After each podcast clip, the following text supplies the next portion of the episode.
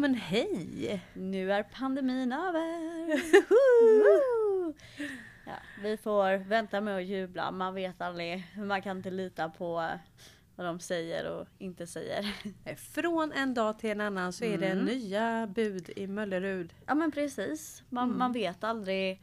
Det är så osäkert nu. Helt plötsligt var det jättestarka restriktioner. Alla blev sjuka och ställde, ställde in massa olika saker. Och nyss började de med vaccinpass. Och nu så bara hej då. Ja ja. Ja men alltså det finns inget bättre. Alltså du, det är många som har gillat de där vaccinpassen. Mm. Det är lite status. Mm. Tänk att liksom ha ett vaccinpass och bara Exakt. visa fram. VIP.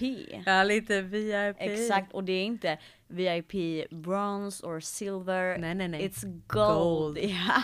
Ja, ja. No no no, it's alltså diamant, it's diamond. Ja, men, men då Så. är det så här, då är man ju... Får man slänga upp ett sånt? Mm. Då är man lite privilegierad. Det är liksom inte... Det finns ju andra som inte har det. Mm. Som inte kan få det. Som inte får vara med. Mm. Det är skönt. Ja, exakt. Men du, den här presskonferensen då när de höll den. Mm. Då sa de ju då att alla måste vaccineras. Har du inte gjort det så gör det idag. Ja. Ja, Så rekommenderar dig att boka en tid redan idag. ja Så. precis. För vi har så många slottider här vet du. Ja, exakt. Nej, men eh, så... Och då var det ju, det kommer ligga kvar restriktioner för de eh, ja, smittan i samhället. Eh, pestsmittan, alltså vi ovaccinerade då. Mm. Eh, men om man läser på Folkhälsomyndighetens hemsida så har de skrivit Folkhälsomyndigheten har beslutat att upphäva alla föreskrifter under lagen om särskilda begränsningar för att förhindra spridningen av sjukdomen covid-19 och tillfälliga lagen om smittskyddsåtgärder på serveringsställen. Det innefattar bland annat deltagarbegränsningar, krav på avstånd mellan sällskap, vaccinationsbevis samt att serveringsställen ska stänga klockan 23 upphör att gälla från den 9 februari. Så antingen, jag bara spekulerar nu. Mm. Antingen så var det liksom att de ville ta det lite i, eh, ja så inte folk skulle sätta kaffet i halsen. Mm. Som har känt sig lite för privilegierade nu. Mm. Eh, eller så kommer något annat hända. Det, det, det återstår ju verkligen att Ja. se.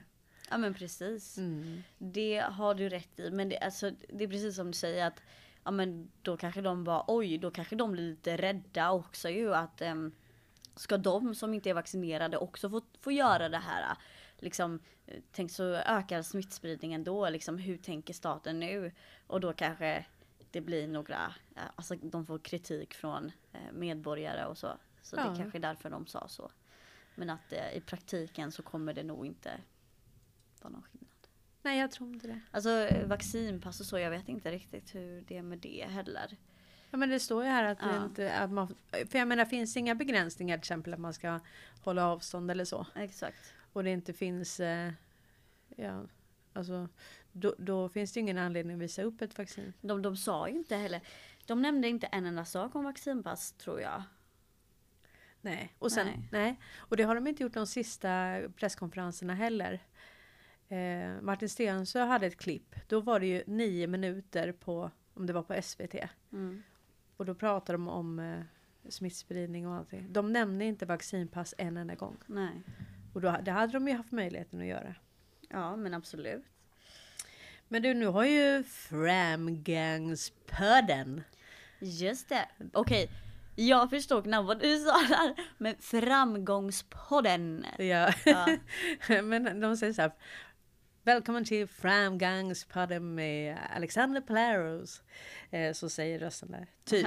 eh, men i alla fall. Och, och då, det var ju rätt spännande då ju. Eh, för att de pratade då i den här podden. Alltså Alexander var ju väldigt emot. Och, Alltså du får tänka på Framgångspodden har ju varit liksom. Man har ju svansat runt etablissemanget. Alltså det har ju varit så. Mm. Fake it till you make it. Det är liksom alla de stora har kommit till hans podd. Mm. Eh, så att, och sen har han gjort lite sån här one eye symbolik och alltså han har ju verkligen då sprungit runt klubben om du tänker. Mm. Sen om han är med i klubben vet jag inte eller bara vill vara med i klubben. Men han har ju i alla fall fått klubben att komma till honom. Mm. Eh, alltså, och eh, bli intervjuade. Eh, och så kan man ju tycka att så här, gud vad modigt att han gör detta nu. Mm. Ja men du får tänka på det har ju tagit två år. Mm. Eller hur? Ja men Jag menar absolut. två år har han ju kunnat ta bladet från munnen. Nu Ja. har inte jag lyssnat på alla avsnitt såklart Nej. så han kanske har nämnt någonting innan. Så det låter jag vara osagt. Har han nämnt det innan så är all eloge till Men, honom. men vad var det han sa i avsnittet då? Ja, det var ju Katarina Gospic som Ja. är hjärn... Hon är läkare, eh, hjärnforskare och eh, har skrivit böcker om eh, hur beteenden eller hur tankar styr beteenden. Nå- något sånt. Ehm, och hon, eh, hon har ju varit i Framgångspodden flera gånger. Och hon, hon är väldigt tydlig, alltså hon är väldigt bra. Då står det så här, Katarina Gospic menar att när alla säger att resultaten är entydiga, alltså att alla forskare är överens, ifrågasätter hon och Alex det genom att lyfta dessa frågor. Men det blir en kognitiv dissonans för dig nu, en krock i hjärnan. Du har blivit matad av en viss typ av information. Men det som håller på att hända är att narrativet, alltså den offentliga berättelsen, håller på att ändras. Folk blir sjuka trots sprutor, det är jobbigt. Man måste börja omvärdera sina tankar och börja släppa det man tidigare trott kanske inte är helt sant län- längre. Och eh, så att det här har ju då, och nu har ju då media gått ut eh, och eh, sagt att ja, men han skulle ha tagit en riktig forskare och så. Hon, är, hon har skrivit åtta böcker. Mm. Ja.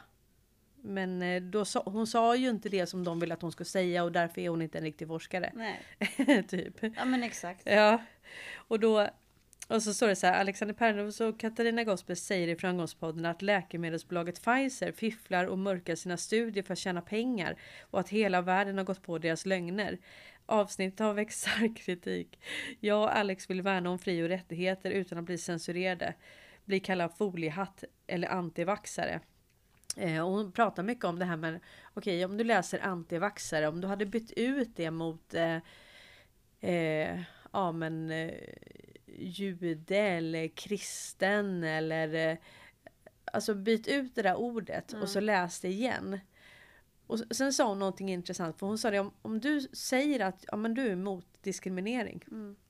Varför gör du ett undantag? Mm. Varför har du rätt i det här läget att diskriminera dem som har en annan åsikt som dig? Som vill göra någonting annat. Mm. Och nu är det ju bevisat att det spelar ingen roll om du har tagit eller inte. Du smittar lika mycket, om du Exakt. vet allt det vi har pratat om. Det här är ju, det här är ju intellektuellt dött. Och vi kommer ju nu tog vi upp det här för att vi skulle ta upp eh, Framgångspodden, men vi kan inte bara älta det här. Vi har mycket annat att prata om. Ja, ja absolut. Ja, men, men det roliga är att nu Tegnell då gick ju ut och sa att det här är ju väldigt farligt. Mm, ja. Jo, men alltså farligt. för vem är det farligt? Är det farligt att diskutera det här? Varför då? Mm. Ja, alltså för, för den offentliga versionen absolut. Det är klart att det är, det är farligt om den visar sig inte vara sann. Men det är ju rätt många som är, har rätt mycket bevis för att den inte är sann.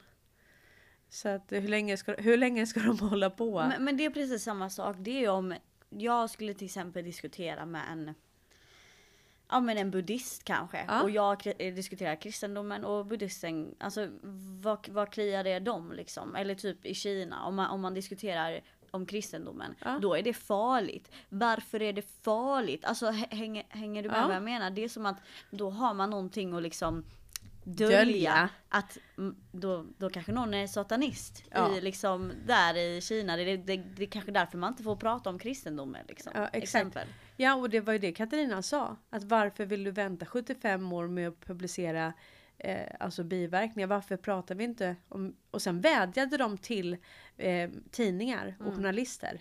Att varför tar ni inte upp folk? Det här är folks berättelser. Det här är riktiga människor som har råkat ut för biverkningar. Varför tar ni inte upp det?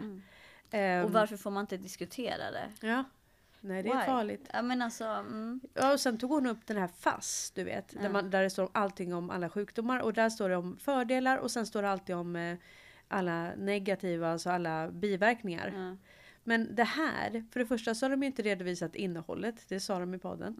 Mm. Eh, alltså vad det är i de här injektionerna. Och sen har de då inte Eh, det står inte en enda negativ sak. Mm. Men vi vet ju, vi vet ju att det har vissa biverkningar. Det har ju liksom... Så att vad, vad är det då som gör att inte det står i fass? Men jag undrar nu när de typ så släpper på allting. Vad det är som kommer komma ut. För att nu så ska vi gå tillbaka till det vanliga gamla livet. Och börja mötas på kontor och inte jobba hemma. Och, Ja. och det känns som att allt eftersom så kommer det komma ut eh, en del spännande saker. Skulle jag säga. För att då känns det också som att folket är mer mottagliga. För då så tänker de att pandemin är över. Mm. Och, och kan tänka på någonting annat. Eh, tänker jag. Men sen hade hon skrivit en bok också, Katarina Gospic, om eh, det var 2011 kom den ut och den handlade ett kapitel om eh, svininfluensan. Och där var det ju så att där reviderar man ju efteråt att det här var ju inte ens en pandemi. Mm. Eh, och eh, det var ju biverkningar, absolut inte lika mycket men utav det vaccinet också. Mm. Du vet eh, sömnapné Ja, ja. och, ehm, och det är det som folk får lida eh, för nu. ja. Och då menar hon att hon, eh, hon såg precis samma, så när, när det här kom Mm. så bara tänkte hon nej, nu ska jag stå utanför det här och bara bevaka för att hon såg precis samma beteende som hon hade sett och skrivit om i svininfluensan. Det, det är bara att det här är, det här är globalt, alltså det här är så mycket större. Exakt. det här är liksom eh, eh, det här är liksom on ster- steroids, alltså Ja. det här är svininfluensan on steroids. Ja. Alltså det här är liksom Men det, här, det är faktiskt väldigt intressant för det var ett poddavsnitt då jag sa det att liksom de forskarna som forskade på det här med svininfluensan och som sa att det här är ingen pandemi. Ja. Var är de nu? Varför får inte de komma till tals? Nej, de får inte det. Men, men, men det ser jag ju här nu liksom att Ja. hon, ehm, hon var ju där bakom och bevakade och ser liksom samma. Men hon har säkert ta- talat ut hela tiden, det vet jag inte. Nej, nej och men exakt. Det kanske framgångspodden har gjort också, jag ska inte ge han eh, oförtjänt skit. Men det har ju varit mycket... Eh, Men alltså det spelar ingen roll om han gjorde det för två år sedan eller om detta var första avsnittet. Det enda som är häftigt är att det här avsnittet har kommit ut och så många lyssnar på den podden. Ja. Både liksom onda och goda och mittemellan liksom. jo men sen är det så här också, du får tänka på att hela eliten, klubben, har ju varit i hans podd. Exakt. Ja, så att han går ut och säger det. Mm. Det är ju liksom... Eh, Ja men alltså att man ens vågar det. Jag tror man inte kan. Jag tror man kan sitta riktigt risigt till. ehm, faktiskt. ja. Alltså egentligen. Men alltså det var ju rätt roligt för han, hon var ju väldigt neutral och pratade väldigt bra och så men han var ju så här, ja de luras och alltså, du vet, han var väldigt så. Eh, så att han, han eh, och sen ville de inte svara på om de själva var vaccinerade. Och det är helt rätt ju. Det har ingen annan med att göra. Nej. Nej. Alltså på riktigt. Stopp min kropp. Jag behöver inte berätta någonting. Alltså det är så himla. Nej. Du, nu har vi en annan sak här. Ja exakt. Som en som vill vara lite anonym eh, skickade till mig. Alltså hon, den här tjejen. Du vet vem du är och du skickar så bra saker men hon vill aldrig synas med sitt namn. Mm. Alltså jag har sånt fantastiskt, eller vi har sånt fantastiskt Mm. nätverk av researchers. Men de, de vill liksom inte, alla vill inte skylta med sitt namn. Nej jag förstår. Nej. Och då hittade hon att eh, Matti Sellberg, Mm. Hon är, han är gift Mm. med Margaret Sell, Sellberg Chen. Mm. En kinesiska. Mm. Chinese spy. Mm. det vet vi inte. Men i alla fall. Och hon, hon är professor vid Karolinska institutet. Så hon var då i TV4. Och så gjorde hon då reklam för de här spottesterna. Mm. Så spottesterna ska kunna avgöra när du behöver en booster. Jaha Ja. okej. Så att, och då skrev jag så här, familjebusiness. Margaret Sellberg Chen, kinesiskt förnamn? Frågetecken. Professor vid Karolinska institutet gör PR för spottesterna som givetvis är omöjliga att manipulera. Som visar när Matti Sellberg kan sälja mer vaccin genom sitt företag Svenska vaccinfabriket eh, Svenska vaccinfabriken AB. Vilket radarpar. Mhm. Hon har jobbat 10 år du på Folkhälsomyndigheten som forskare. Mm. Och sen har hon fått ett anslag på en och en halv miljon från eh, Cancerföreningen tror jag det var. Mm. Och det är då RNA-teknik Mm. för att bli av med cancer. Mm. Så nu kanske det blir ett vaccin mot det också. Oj, oj. ja, så, och hon bor då hon bor i en lägenhet i Stockholm tillsammans med Matt, bland annat med Matte Sellberg. Hennes lägenhet är värderad till 9,1 ja 9,2 miljoner nästan. Ehm, så jag la upp det här på Twitter och så sa jag 1, 2, 3 gräv. Och det var ju eh, de började gräva direkt, alltså helt fantastiska. Så att eh, jag har liksom aldrig Nej, det... Hon var ny för mig. Mm. Jag förstår. Men tänk att det här är familjebusiness. Mm. Hon står och propagerar för spottester som kan avgöra när du ska ha en booster. Mm. Och Matte Sellberg säljer boosters Mm. och vaccin. Ja. Alltså det kan ju inte bli bättre. Nej, nej, nej, absolut inte. Det går ju verkligen hand i hand där. Ja, och sen är det så att hon har ju också då Hon är professor eller hon är gästföreläsare på ett universitet i Shanghai. Okej. Shanghai, det är där Wallenberg är med i, i det här rådet. Mhm. Ja. Så hon, hon är tandläkare i botten. Okej. Mm. Så att det verkar ju som... Ja, det verkar ju som att hon... Du vet Shanghai. Alltså hittar de massa saker om det, om det universitetet. Att det är samma universitet där Jack Ma, Alibaba, Mm. kommer ifrån. Och, och han är, var ju då på Investor Mm. innan han startade Alibaba. Och Börje är uppe i brygga. Alltså du vet, det här är ju alltså han på Ericsson som nu också är på AstraZeneca. Så han... Nej, du vet, det här är en liten klubb alltså. Jag förstår. Allting Går ihop. Ja men exakt, precis. Så nu hittar man liksom länken till Kina via, via hans fru. Aha. Men hon pratade bra svenska men man hörde att hon bröt lite. Ja. Hon, det var ett inslag med henne då. Ja, och här hittar jag då eh, Margaret Sellberg Chen receives 1.5 million grant from the Swedish Cancer Society. Eh, the grant of 1.5 million SEK in total will support three year period of, of research project entitled Using RNA to prevent cancer.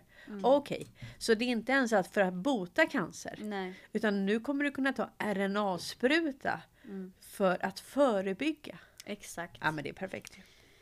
Ja, ja. Suveränt. Det, det, där, det där får vi återkomma till för nu är det ju många som gräver här va. Eh, så att det kommer... Nej men alltså, alltså, det sägs ju att det finns botemedel mot de flesta allvarliga sjukdomarna idag som cancer och, och allt det och att de har ju skapat en del sjukdomar eh, och sen komma, kommit med lösningar om man då säger så. Eller inte kommit med någon lösning alls och bara låtit folk dö. Men jag tror faktiskt att nu kommer det komma ut Alltså till exempel botemedel mot cancer, mot alla de där sjukdomarna som vi faktiskt är rädda för egentligen. Ja ja men det är ju 6000 patent som kommer släppas. Mm. Och sen det här som eh, eh, Danny Saucedo var inne på. Mm. Som han fick ta ner men som sen eh, dokumenterade. Det var ju det här med pH-värdet. pH-värdet i Ja. kroppen. Att det trivs inte i en viss miljö och om man reglerar sitt pH så trivs inte cancern helt enkelt. Mm. Så att alltså det finns, eh, jag tror man vet mycket mer om allting än vad man Ja, vill påskina. det Ja, gör man. men du. Eh, Staffanstorp kommun. Mm. Ja, de vill investera i krypto. Mhm. Så att eh, skattepengarna ska nu gå till lite spekulationer. Intressant. Är det, för du vet, jag vet ju att det har varit mycket med de här eh, nästan pyramid eh, med krypto. Mm. Och det är många som har blivit avslöjade att det är Mm. rena bluffar ju. Ja men då står det så här. Kommunen vill satsa på krypto, oroad för inflation. Christian Sonesson, M-politiker och kommunstyrelsens ordförande Staffanstorp utvecklade i SvD varför han vill att kommunen ska investera en del av överskottet i kryptovalutor. Jag är oroad för inflation. Jag tror inte att den är så tillfällig som Riksbanken tror. Och det hjälper knappast att centralbanken trycker nya pengar hela tiden, säger han till tidningen. Sonesson är också, säger också att en eventuell kryptoinvestering enbart skulle handla om några procent av kommunens investeringar. Mhm. Ja, ja, men det där känns... Eh, nej, Nej. jag tror inte att det är en bra idé. Men eh, apropå kommuner som går med vinst. Region Stockholm. Mm. Deras överskott landar på 1,8 miljarder under 2021. Om det då inte är brist på pengar, Mm. varför går vården på knäna? Mm. Alltså den har ju varit nedmonterad under många, många, många år. Mm. Och det sa de i Framgångspodden också att här försöker man skylla alltså en nedrustad, nermonterad vård på en pandemi. Men den har ju varit problem, problematisk hela tiden. Så 1,8 miljarder i överskott. Och då för att inte vårdpersonalen nu ska skrika höjden och säga varför fick vi inga pengar? Vi har ju jobbat dygnet runt under pandemin. Ja. Typ. Ja det har de ju såklart. Men alltså de har jobbat väldigt hårt. Ja. Nej, då får de 10 000 nu. En liten muta. Men det är 21 000 svenska skattebetalare som inte har fått sina operationer. Där de har blivit uppskjutna. Hur ska man få dem att inte ryta ifrån då? Ska vi muta dem också? Mm. De kanske också ska få 10 000. 10 000, vad är det liksom? 10 000. Här, Nej men eh, håll käften. det är jättemånga. ehm, min eh, lilla syster då berättade för mig att ehm, en bekant till henne, hennes eh, pappa då ehm, gick till sjukhuset och liksom var jättesjuk och de bara nej men du har covid. Eh, Då visade det sig att han hade en hjärntumör och dog. Och att det var väldigt, eh, alltså att det hade förekommit innan, alltså att det inte var så sällan det hände. Nej. Så de bara sa till honom, men ta en Alvedon. Ja. Ja. Nej men det är liksom, här betalar vi skatt och vi får inte ens den vården som, som krävs för att vi ska överleva och liksom där bör man ifrå- ifrågasätta varför betalar vi skatt för det när vi får vänta liksom i ett och ett halvt år på att opereras exempelvis. ja men nu har det gått två år. Mm. Men de tycker att eh, vi som inte har vaccinerat oss, vi ska ju betala vår egen vård. Mm. Men då kan jag tycka att då ska ju de som får biverkningar också betala sin egen vård. Ja. Eller så antingen så har vi ett samhälle Mm. där vi betalar för det gemensamma. Mm. Eh, skatt eller avgift eller vad man nu vill kalla det. Och så har vi lika för alla. Lika vård för alla, lika lag för alla. Vi har ett samhälle helt enkelt. Eller så har vi inte det. Då skiter vi i ett samhälle och så får man betala för det man tycker man ska betala. Men då ska man inte heller behöva betala skatt. Nej. Så att man får liksom lite bestämma sig. Man kan inte ha kakan och äta den. Det går inte. Nej. Men jag tänker också på alla som inte har vågat uppsöka vården. Ja. Du vet, de har ju skrämt, skrämt skiten ur folk. ja men att man inte vågar åka dit och, och så. Ja, och sen att man absolut inte har velat belasta vården. Nej. För att det åh, det är så synd om vården. Så, bara, ja, så då kanske folk har legat hemma och dött. Och sen Så om man tar det prover, PCR-testerna då som är väldigt, väldigt tillförlitliga. Så kanske det visar att de hade covid. Mm. Och så det att de dog i covid fast de dog i hjärntumör. Mm. Alltså jag är så Det glad. där var en konspirationsteori. Ja. Men jag måste bara Jag tillägga. gillar ju sånt. Alltså jag är så himla glad att jag liksom jag har faktiskt lyckats att inte ta ett PCR-test eller ett covid-test. Aldrig. Jag har faktiskt, alltså, och nu är det här slut förhoppningsvis. Och jag har inte, ingen har liksom lyckats på mig. Jag har inte behövt ta det någon gång. Nej, det, det, eh, min sambo, du vet, han måste ju ta. Så det här är så roligt då. För att då ville han ju, han har ju haft det innan. Ja. Ja. Och så ville han ha det nu igen. För då Mm. bör- måste han inte bära munskydd och så på jobbet. Ja. Så han tog tre sådana här självtester. Mm. Du vet med saliv man spottar på en grej och så. Det är lite det som hon eh, Margaret Sellberg Chen ville sälja här. För att se när du ska ta en booster. ja, precis. Det, det ser likadant ut ungefär. Ett sånt. Så han tog tre självtester. Mm. Alla visade att han hade covid. Sen åkte han och tog PCR-testet. Det riktiga testet, det som är väldigt, väldigt tillförlitligt då. Och då hade han inte det. så, så att... eh, För att alltså om han hade haft det då behövde han inte ha munskydd eller någonting sånt. Nej, han, eh. han måste testa sig två gånger i veckan. När han kommer upp och när han åker ner. Han veckopendlar ju. Men eh, nu så, Och så behöver han- han ju inte det alls förmodligen. Eh, alltså testa sig eller munskydd eller någonting ju. Nej, inte efter den nionde. Det Nej. får vi verkligen hoppas att, den här, att det verkligen är över. Ja. Men eh, man ska inte ropa hej förrän man har kommit över ån eller vad, vad säger man? Eh, nej men eh, det är så roligt. Så han tog alltså fyra tester. Det är lite som Elon Musk du vet när han, eh, han skrev det att det är någonting fishy med de här testerna. Då hade han tagit fyra tester. Samma test, samma sjuksköterska. Eh, tog fyra test. Två var positiva och två var negativa. Ja. Ehm, Här tog han tre stycken självtester. Då var han positiv. Sen åkte han och tog PCR-test eh, på en sån riktig. kanske det är så att självtesterna ska vis, alltid visa att du har positivt typ. Ja men så var det roligt för då, då sa jag till honom så här att eh, Nej men alltså det Du har ju haft det. Mm. Så du har inte det igen. Det, det är inte de som har haft det som inte är vaccinerade som visar positivt nu. Utan det är de som är vaccinerade. Mm. Och då sa han nej. Sen ångrade han sig. För då han kom på att han hade ju inga bevis för att det inte var så. För han, han, han känner ju ingen som är ovaccinerad. Och som har haft covid och som har fått det igen. Mm. Han känner ju ingen. Ja, han känner oss. Ja men vi har ju inte haft det igen. nej, nej exakt. Nej. Först sa han nej. Och sen bara. Mm. Ja, det är spännande. Och då var det en som skrev så här. Eh, om Region Stockholm här då.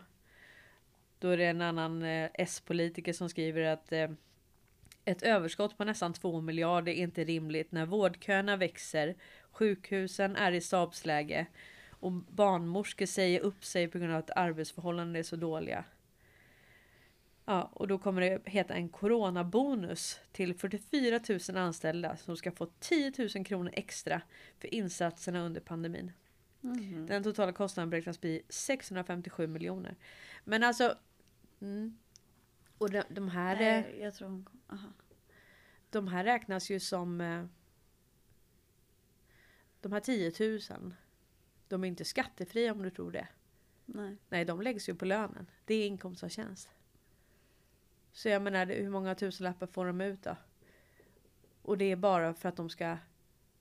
Alltså min tro. Det är bara för att de inte ska skrika i höjden. Mm. Utan bara, men vad gnäller du om? Du har fått 10 000! Mm. Vad, vadå dåliga arbetsförhållanden? Ja. Nej, nej, nej. Alltså det här är svenskt. ja. Det här är svenskt vet du. Nej men nu har vi lite intressant fakta här om Sverige. Som är skrivet av Marcus Ljunggren. Mm. Han är då med i det fria. Eh, Vi har träffat honom. Ja, det har vi. Vi gjorde en intervju med honom som fortfarande inte har kommit upp. Det var Nej. så dåligt av oss. Ja men alltså kameran dog och det var ja, så... allting det- var, det var- kaos. Vi får göra om den Marcus ja, faktiskt. Ja faktiskt. Det, det behövs. Eh, nej men eh, 1668, vad hände då? Eh, Sverige var det första landet som eh, hade en centralbank och det var då Riksbanken. Ja. Precis. Ehm, och samma år där så var Sverige det första europeiska landet att ge ut ehm, i form av sedlar. Pengar i form av sedlar. Ja, precis. Men det här är viktigt. Ja. 1815. ja. Sverige blev då neutralt på Wienkongressen. Vi och Schweiz. Ja. Eh, Sverige var med och kolon- koloniserade Nordamerika. Ja, vi hade ju då eh, Vi hade ju en eh, Delaware. Mm. Det var ju en svensk koloni. Precis. Ja. Så är det. Och Sverige var det enda landet som eh, bredvid England skrev opiumavtal med Kina efter opiumkriget. Och Dynamit-Harry. Vi var först Ja. med dynamiten också. precis. Sverige delar ut världens största opinionsbildningspris som konsekvens. Nobel då. Ja, Nobelpriset. Ja. Och det, man undrar ju ibland vilka som får det där priset. Mm. Greta är ju nominerad nu. ja, grattis Greta. Gre- Greta Gris. Som, Nej, men. som Boris säger det. Boris Johnson. Eh, Sverige tillhör ett av de länder som levererar mest vapen per capita i världen. Mm, då tänker jag på Johan Glans, det vi spelade upp där. Ja. Med eh, Bamse och, Ja, men vet, Lille Skutt. när, när jag pratat med en del liksom att vi var inte neutrala. De bara, du vet det är som att de aldrig har hört liksom bara oj, vi kanske inte var neutrala. Nej. Nej men alltså vi har ju ett försvar. Mm. Vi säger ju liksom, vi har, Sverige har ett försvar. Men om militärens uppgift är att försvara landet. Mm. Okej, varför ska de nu ner till Ukraina då, då? Mm, Vad har det med Sverige att göra? exakt. Ja, och om vi ser försvarsindustrin säljer vapen. Ja, men vad ska de användas till? Det är väl krigsindustrin i så fall? Mm. Eller hur? Vi säljer ju vapen för, alltså, eller gör vi det för att de länderna ska kunna försvara sig? Nej. Vi gör det för att de länderna ska kunna kriga. Punkt. Exakt. Så, så att det är ju, man kan säga, det Trump gjorde, liksom skapade fred och startade inte en enda krig och eh, liksom fick konflikter som har pågått väldigt länge och, Mm. och upphöra på Mm. Balkan och eh, ja, Israel och Ja. så. Jag menar, han, då säljer du inga vapen. Nej, Då är ju han ett hot mot hela krigsindustrin. precis. Det är ju inte poppis ju. Jag menar hur ska du kunna sälja vapen om det är fred? Men alltså, men, men jag fattar inte hur folk ens kan liksom tro att vi var neutrala. Vi var ju de som faktiskt hjälpte tyskarna att döda människor. Ja, ja, nej men Eh, IG för, för, vi, Farben. för, vi, för vi sålde ju vapen till dem. Så det var bara hmm, ja, mm, alltså du, du vet alltså vad, vad, vad kan man tänka själv liksom? ja, men IG Det- Farben var ju de som byggde koncentrationslägren. Mm. Och jag menar allt det här med Hitler och allt. Om man, om man tror att han är hjärnan bakom så får man ju tänka om. Nej men herregud. Och jag menar vad gjorde de? De plundrade ju Mm. Judarna. Men och och det de har- det- pengarna hamnade ju i Sverige. Och det, men det har, Och också, guldet det har ju också sagts att liksom allt det från andra världskriget är inte heller sant så, så som de säger. Så det kan ju vara så att de har täckt en del historier med det som faktiskt hände liksom. Eller att de inte har sagt en del också. Men Det du, vi har inte läst klart här för det här. Marcus skriver nämligen så här. Svenska intressen ägde aktier i moderbolaget IG Farben vars styrelse torskade för anstiftan till världskrig. Mhm. Så att de moderbolaget IG Farben blev alltså dömda för anstiftan till världskrig. Att det var de som låg bakom andra världskriget. Mhm. Ja. Sverige gömde de patent IG Farben stal under andra världskriget bakom svensk neutralitet och patentlagstiftning. Intressant. Ja. Och sen står det här att... Eh, Sverige ligger i topp vad gäller politiska mord. ja. Gustav III, Ivar Kre- Kreuger, Dag Hammarskjöld, Olof Palme, Anna Lind också. Ivar Kryger. Ja, precis. Ja. Och sen står det här då att eh, Sverige bygger vapenfabriker i en av världens värsta diktaturer, Saudiarabien. Mm, exakt. Så där bygger vi vapen och tränar dem också. Mm. Och sen kanske vi kastar ner eh, Carl Bildt och de här och, och liksom lite demokratiutveckling också. Mm. Så vi både hjälper dem att kriga och sen skickar vi på lite, ja, så det ser lite snyggt ut. Och Exakt. så hjälper dem med lite demokrati också. Och sen står det, Sverige har varit med och stöttat allt från ryska revolutionen till Francos fascistdiktatur i Spanien till att få Lech Walesa vald i Polen. Solidar- Solidaritetsrörelsens material trycktes här. Alltså vi tryckte materialet som användes där. Hade finansiella intressen i World War II. Var med och skapade förutsättningar för Balkankriget. Till att störta Saddam Hussein och, och Muammar Gadda- Gaddafi. För att inte tala om Ukrainas kupp, coup. Det land där vi idag har tre hedersambassadörer. Mhm. Mm. Väldigt intressant. Ehm, Ja, vi fortsätter. Sverige har världens mest privatskulda eh, Sverige har världens mest privatskuldsatta befolkning. Ja, det är ju bra. Ja, men det har vi ju pratat om. Men när man söker på det, alltså sist då jag sökte på det, så stod det att Japan var högst upp på listan. Ja. Eh, men det kan nog vara Sverige där ja. Sveriges riksbankschef sitter som medlem, medlem i Europeiska centralbankens generalförsamling. Sitter i styrelsen för Bank of International Settlements i Basel, BIS, centralbankernas centralbank och är ordförande för Baselkommittén för banktillsyn. Så att BIS, det är ju liksom centralbankernas centralbank. Mm. Ja, och där sitter vi. Alltså det startades ju, jag tror att det var på 30-talet av Wallenberg. Mm. Vad är med där? Sverige beräknas bli världens första kontantlösa land. Ja, det är perfekt. Det, alltså jag blir inte glad när de säger så här, vi kan inte ta kontanter. Alltså det är lag på det. Ni ska liksom, ni har skyldighet att ta emot alla betalningsmedel som vi har i Sverige. Det är ju så. Polen har ju krävt nu att alla ska ta kontanter. Ja. Ehm, Sverige var med och anordnade det första Bilderbergmötet. Mhm. Sverige var först med att syssla med rasbiologi. Mm. Mäta skallar och sånt. Intressant. Sverige införde efter andra världskriget tyska skolan med Führered. Sverige har i förhållande till sin blygsamma storlek haft, innehaft flera topptjänster inom FN.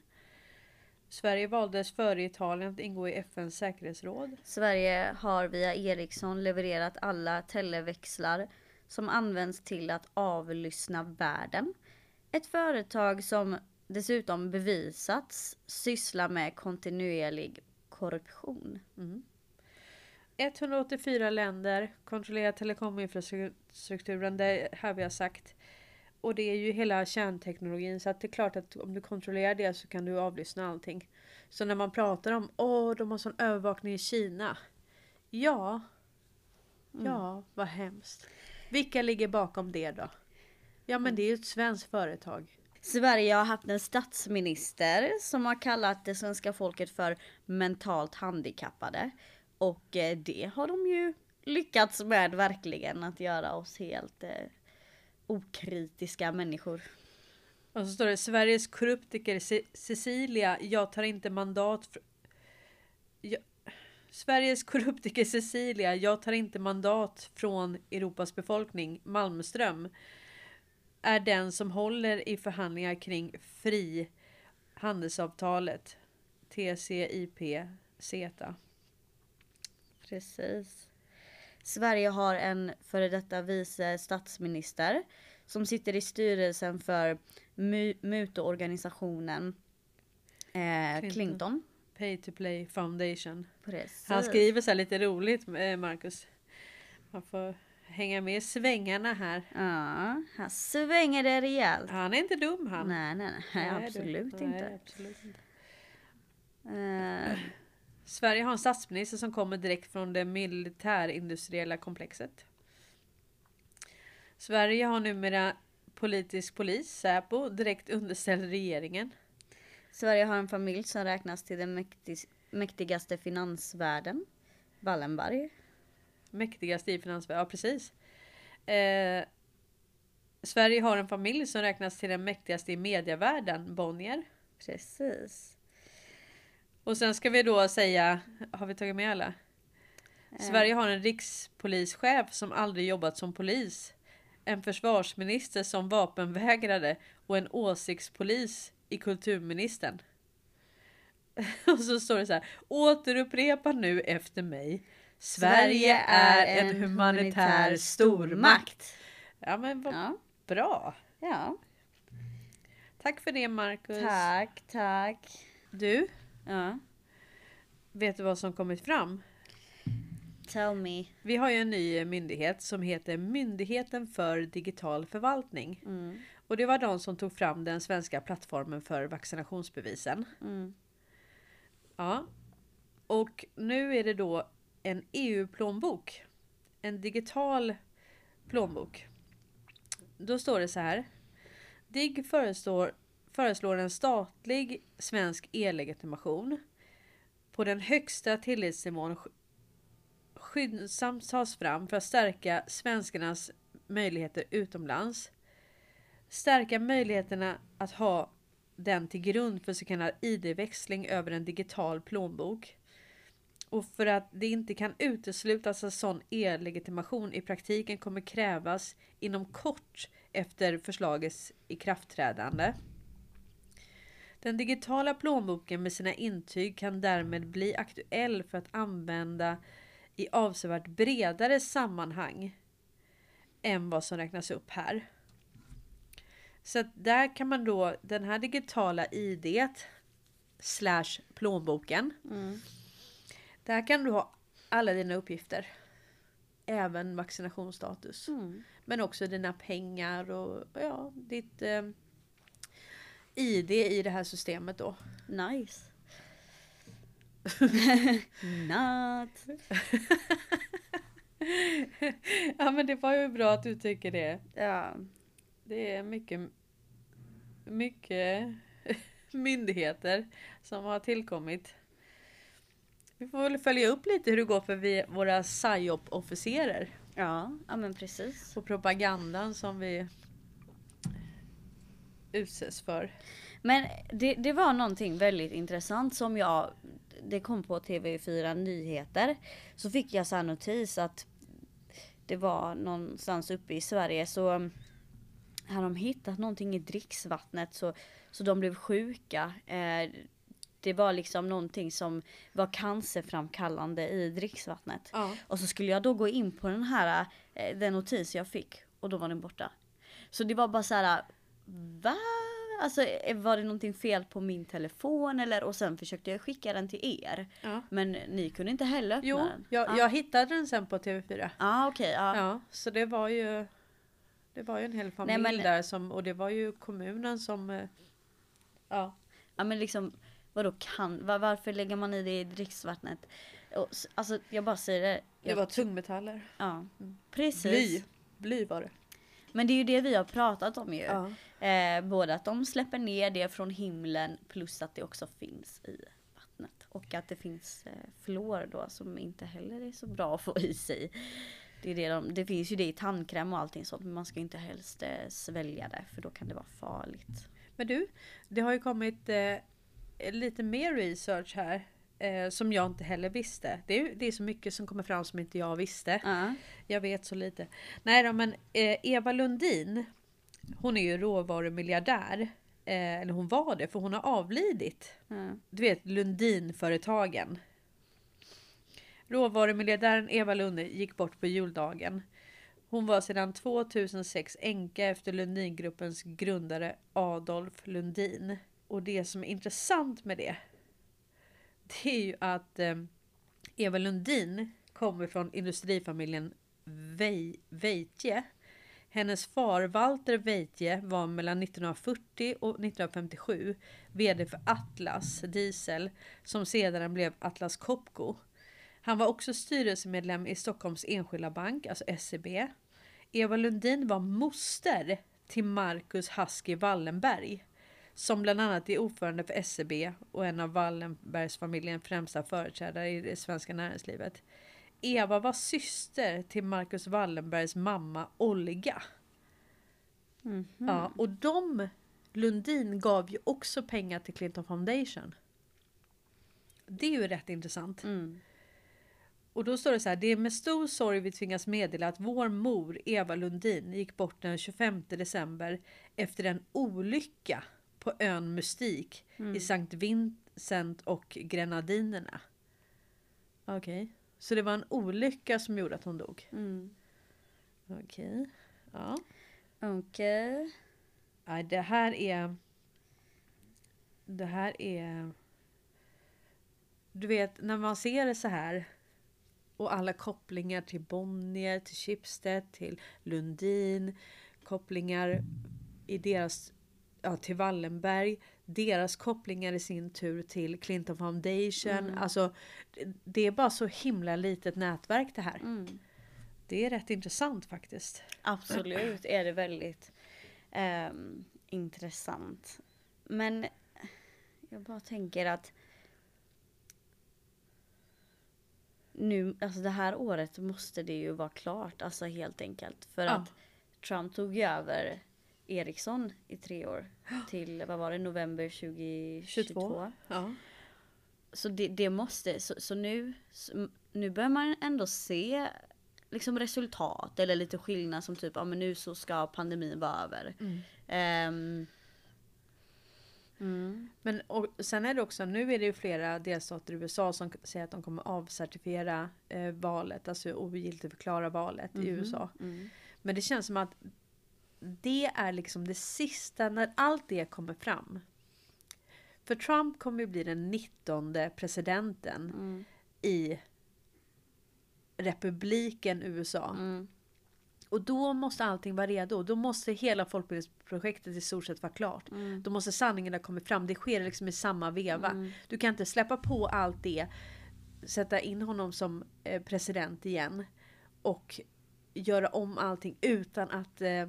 Så att det vi väntar på, det är ju människors medvetande. Men jag tänker, Människors kunskap. Att opinionen ska bli redo, mogen att kunna ta emot all den här kunskapen. men, men för, för nu är ju ändå en del vakna i Sverige ju. ja.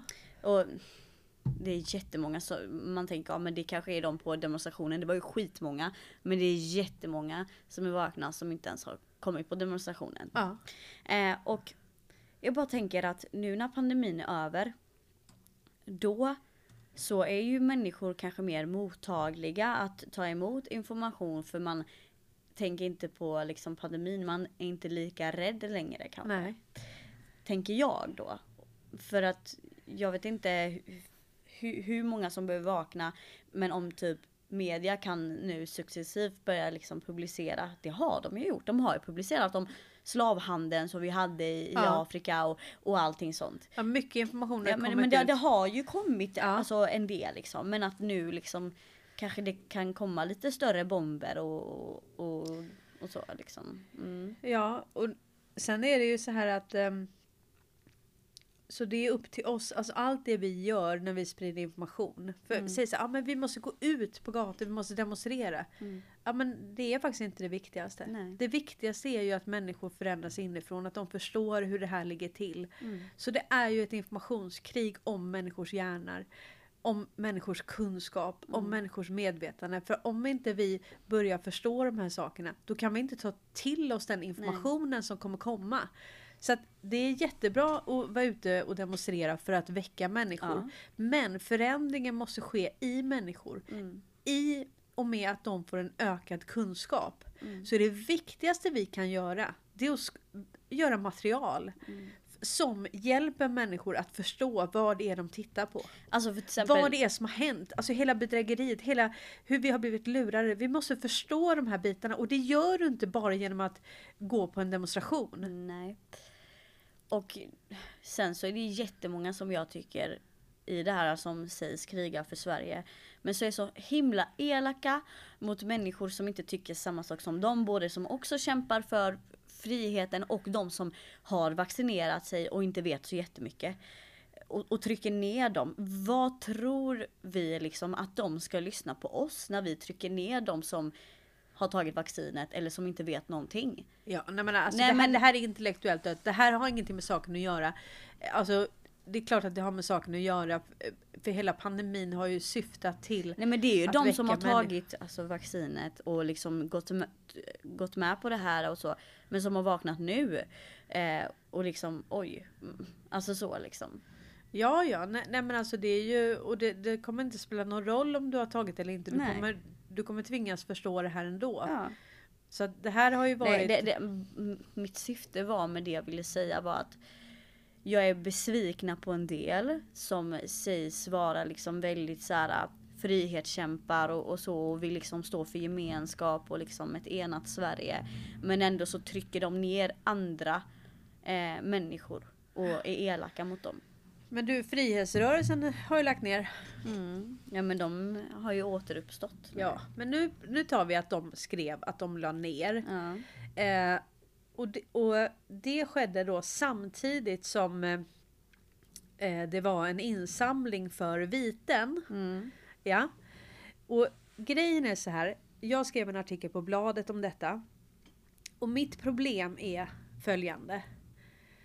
Det gjordes en stor insamling till viten just. För du vet i början där så sa man att okej alla som går på demonstrationen kan få viten 30 000. Då gjorde man en jättestor insamling. Vissa säger att det är upp mot 500 000 som samlades in. För just viten. Efter det så hände ingenting. Så det är fortfarande inga viten Mm. som har tvingats betalas. Och de som har fått eh, hot om det, eller ska jag säga, det är ju de som var som de tror är arrangörer. Okej? Ja, och då tycker jag så här. Varför samlar man då in pengar igen nu? Vad är de pengarna som man samlade in tidigare? Mm, som exakt. skulle vara... Det, för skillnad är så här, om vi säger att du ber om en donation. Mm. Ja, fine. Jag ger dig en donation för jag tycker du gör ett bra jobb. Mm. Eller jag tycker du är en bra människa. Eller jag tycker om dig. Okej, det är en sak. Mm. Men att samla in pengar för ett specifikt ändamål Mm. och sen att pengarna inte går till det. Vi, vi tar ett exempel. Du fyller år. Mm. Jag gör en insamling för att köpa en present till dig. Mm. Okej? Sen köper jag ingen present till dig. Mm. De som har gett mig pengar, och då kan man säga så här, ja men vadå? Ni gav ju mig pengarna. Mm. Ja, vi gav dig pengarna för ett specifikt ändamål. För att köpa en present till Desi. Ja, men, ju- men det är därför, alltså jag är väldigt så här. jag vill ge donationer, jag vill liksom, men mm, alltså kommer man ens kunna lita på att pengarna går, för vi vet ju alla de här organisationerna där det ska gå Rädda pengar Barnen. till, ja, men till djuren och till bränder. Alltså hur? Alltså, och, och nu också detta, någon som liksom ska kämpa för frihet, går inte ens till det.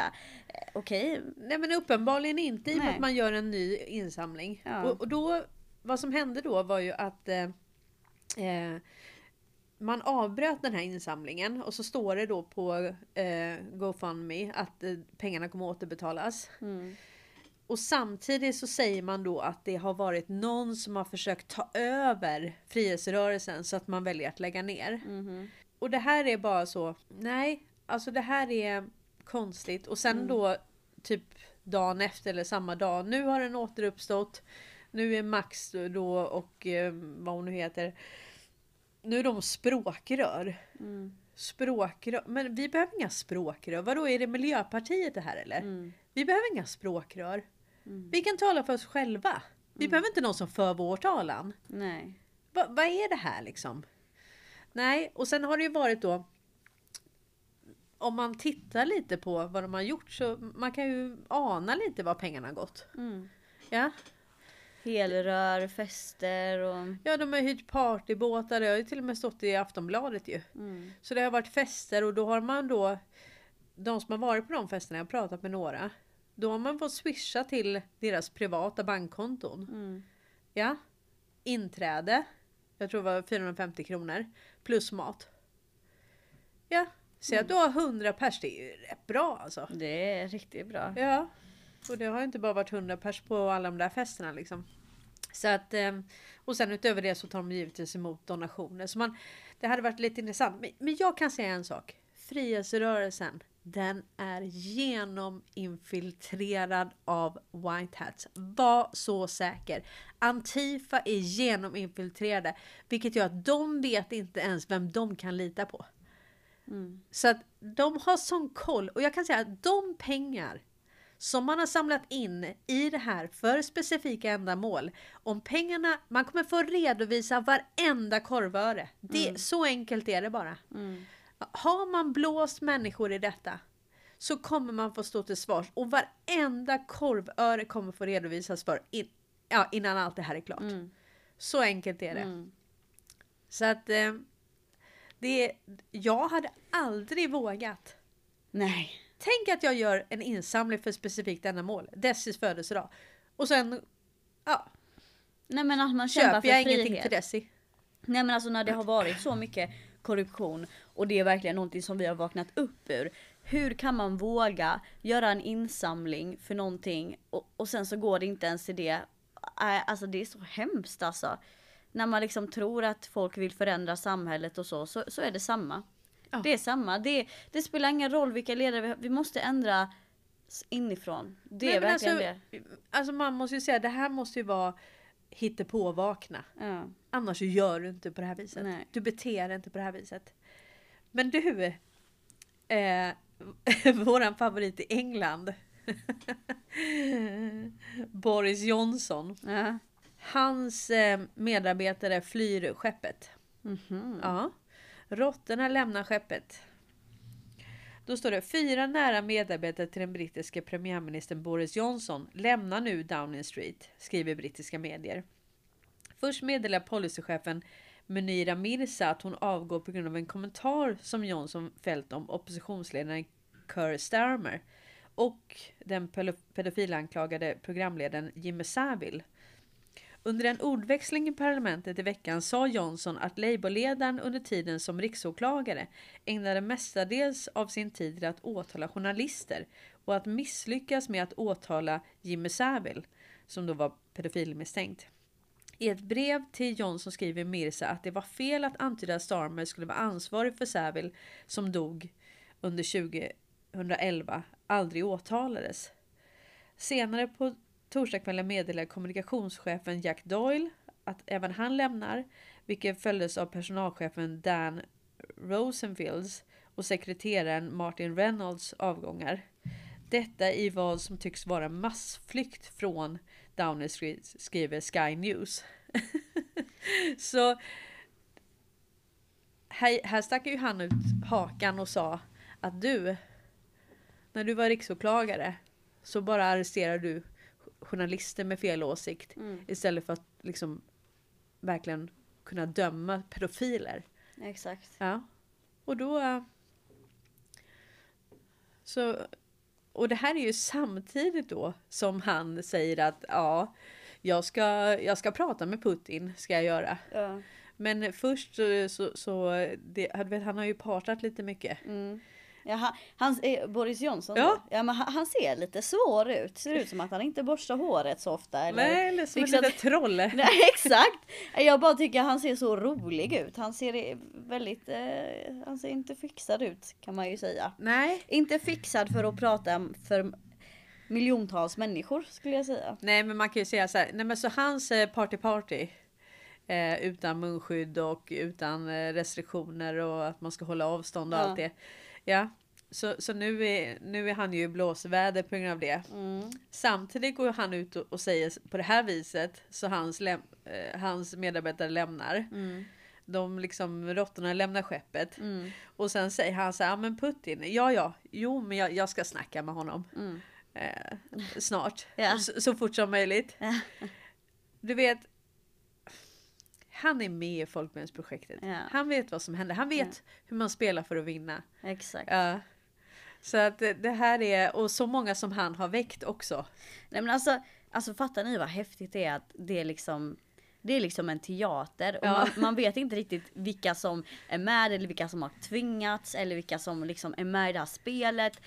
Men alltså att bara liksom göra den här researchen och sen att det blir så tydligt för en. Ja, ja, ja. Ehm. att man hade rätt liksom. Att, eller ma- man, man eh, gör research, man får en tes. Ja. Och sen ser man händelseförloppet. Ja. Och så antingen så bekräftar det Ja. det man hade kommit fram till från Ja. början. Eller så blir det att man får ompröva det. Ja, och det är det som är resan. Exakt. Att man vet aldrig vilka man kan lita på. Ja, Nej. Men, men att liksom att få ett allt mer liksom att inte direkt lita på okej det är en ny rörelse där. Att inte direkt liksom lita på bara för de kanske säger att de är vakna eller så utan att liksom hela tiden pr- pröva sin hjärna att vara kritisk och vad man ska vara kritisk mot och hur mycket, hur lite, vad ska man lägga sin energi på och så vidare. Eh, alltså man, som du säger, man ökar sitt medvetande och man blir smartare på något sätt liksom. Ja. Men jag menar det är ju Alltså vi vet ju att eh, Open Societies har ju finansierat eh, Antifa och säkert frihetsrörelsen också. Men vi, vi vet också att de här rörelserna genominfiltrerade så de vet inte själva vilka de kan lita på. Nej. Vilka som är white hats och vilka som är från dem. Så det gör ju att eh, de, de har ju hamnat i det här är ju en stingoperation. Mm. och de har ju hamnat i en fälla där de bara oj det här var en undercover polis. Mm. Hoppsan! Hoppsan så. Så, ja, så de vet inte vilka som är liksom eh, infiltratörer i deras egen rörelse. Nej. Det här är rätt kul. Det, det, det är rätt eh, intressant ja. Men man får tänka på det så man vet ju inte. Bara för att någon säger någonting. Alltså som Boris, han har ju sagt väldigt mycket konstigt genom detta. Han har ju varit riktigt tyrann genom detta. Men det är lite så här. Antingen så spelar de ett spel för att de är med i Folkbildningsprojektet och ska spela en roll. Men jag tänker så här att ofta de som spelar en roll. Ja men kolla bara på Alexander Pärleros nu. Mm. Ja, ju djupare du har varit i skiten, alltså ju mer måste du spela med i Folkbildningsprojektet. Mm. Så att man vet ju inte heller om, om det är stackel, alltså att de har liksom ett uh, halsband så de måste göra saker och ting. Eh, eller om det är så att de verkligen vill göra det. Mm. Men jag menar de kanske haft den rollen satta för sig under lång, lång tid. Det var planerat för länge sedan. För det här är ju planerat. Vi vet ju att alla organisationer är ju, det har ju placerats ut människor överallt för just den här stunden som vi är i nu. Den här stingoperationen slash folkbildningsprojektet. Så det är spännande och vi måste eh, vi får inte panta in oss för hårt i känslor i allting. Nej. Utan vi får hålla lite, liksom, lite distans, bevaka och eh, allt kanske inte är precis som vi har trott hela Nej. tiden. Vi kanske har blivit blåsta. Mm. Och så, för du vet, man kollar på en film och så tror man att ah, han är mördaren. Och så man nej det var inte han, det var Mm. han. så kanske det är också. Vi får ha det med oss liksom. Exakt och, och fast vi liksom att man ibland får ta av sig glasögonen och verkligen se liksom för att vi kanske har en uppfattning om till exempel Boris Johnson eller om vaccinet eller, eller vad som helst. Eller liksom. Trump. Ja, eller Så, Trump. så många som hatar honom. Så där har de gjort ett nej, bra nej jobb. men alltså, alltså, alltså så att man ändå liksom får ehm, liksom om man hör en annan sida av historien att man ändå får vara öppen för att liksom lyssna på den och, och liksom kunna tänka på den lite också liksom. Att man inte bara det är svårt för alla, det är svårt för mig, det är svårt för, alltså absolut. Men jag tror det är någonting som i alla fall vi alla behöver träna på, i alla fall jag. Att liksom, Ja men vi, vi behöver heller inte men gå... att inte ha förutfattade meningar, det är jättesvårt liksom. Ja, men det är så lätt att man bara säger att han är kontrollerad opposition. Eller han är med globalisterna. Och sen så bara... Sen är det flera saker som tyder på att oj, det kanske inte var så. Nej. Nej, men då måste man faktiskt vara snabb och omvärdera det. Då kan man inte leva kvar i det och liksom ha kognitiv dissona- dissonans och inte vilja släppa det utan nej, då får man släppa det bara. För jag menar så lurade som vi har blivit. Vi har haft så fel allihopa. Om vi har fel en gång till då, ja skitsamma. Ja, Ja men ärligt talat. exakt. Vi gör ju vi försöker läsa ett 5D-schack. Mm. Ett, ett spel som är så avancerat utformat. Så det är inte bara att du kan ta spelplanen och säga så här är det. Mm. Nej, nej, nej, det här är mycket mer komplext. Det här är en riktigt, riktigt bra regissör bakom det här. Mm. Exakt, alltså det är riktigt eh, avancerat och komplicerat. Eh, det tror jag nog att det är och det är mycket som vi kommer få reda på som inte vi vet. Jag, jag, Ja, tror, ja. jag tror inte ens vi vet 10% av Nej, det nej, som, nej, nej, alltså typ verkligen. Av det som kommer komma fram. Nej nej nej. nej, nej. Ah, ah, ah. Och nej, jag tror att liksom mer än 50% kommer inte ens komma fram. Nej. Så liksom För vi, det- ka- vi kanske vet 1% om ens det liksom. Ja. Alltså, Vi eh, kanske vet att vi inte vet någonting. Exakt. Precis, vi har fått lite smulor. Ja. Typ så. Vi har fått smulor att följa och numera är det stora brödlimpor som Ja. vi kan följa. Och det är det vi försöker göra. Ja. Efter bästa förmåga. Exakt. Men ja, vad kul. Jag får verkligen önska er alla en trevlig helg om den kommer ut nu till helgen.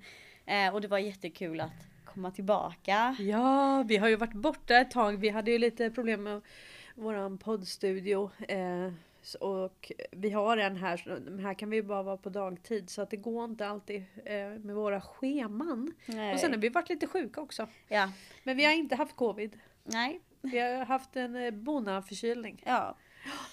Ja men precis. Nej men kämpa på allihopa Ja. och eh, Stor kram, ha det Kram, gott allihopa.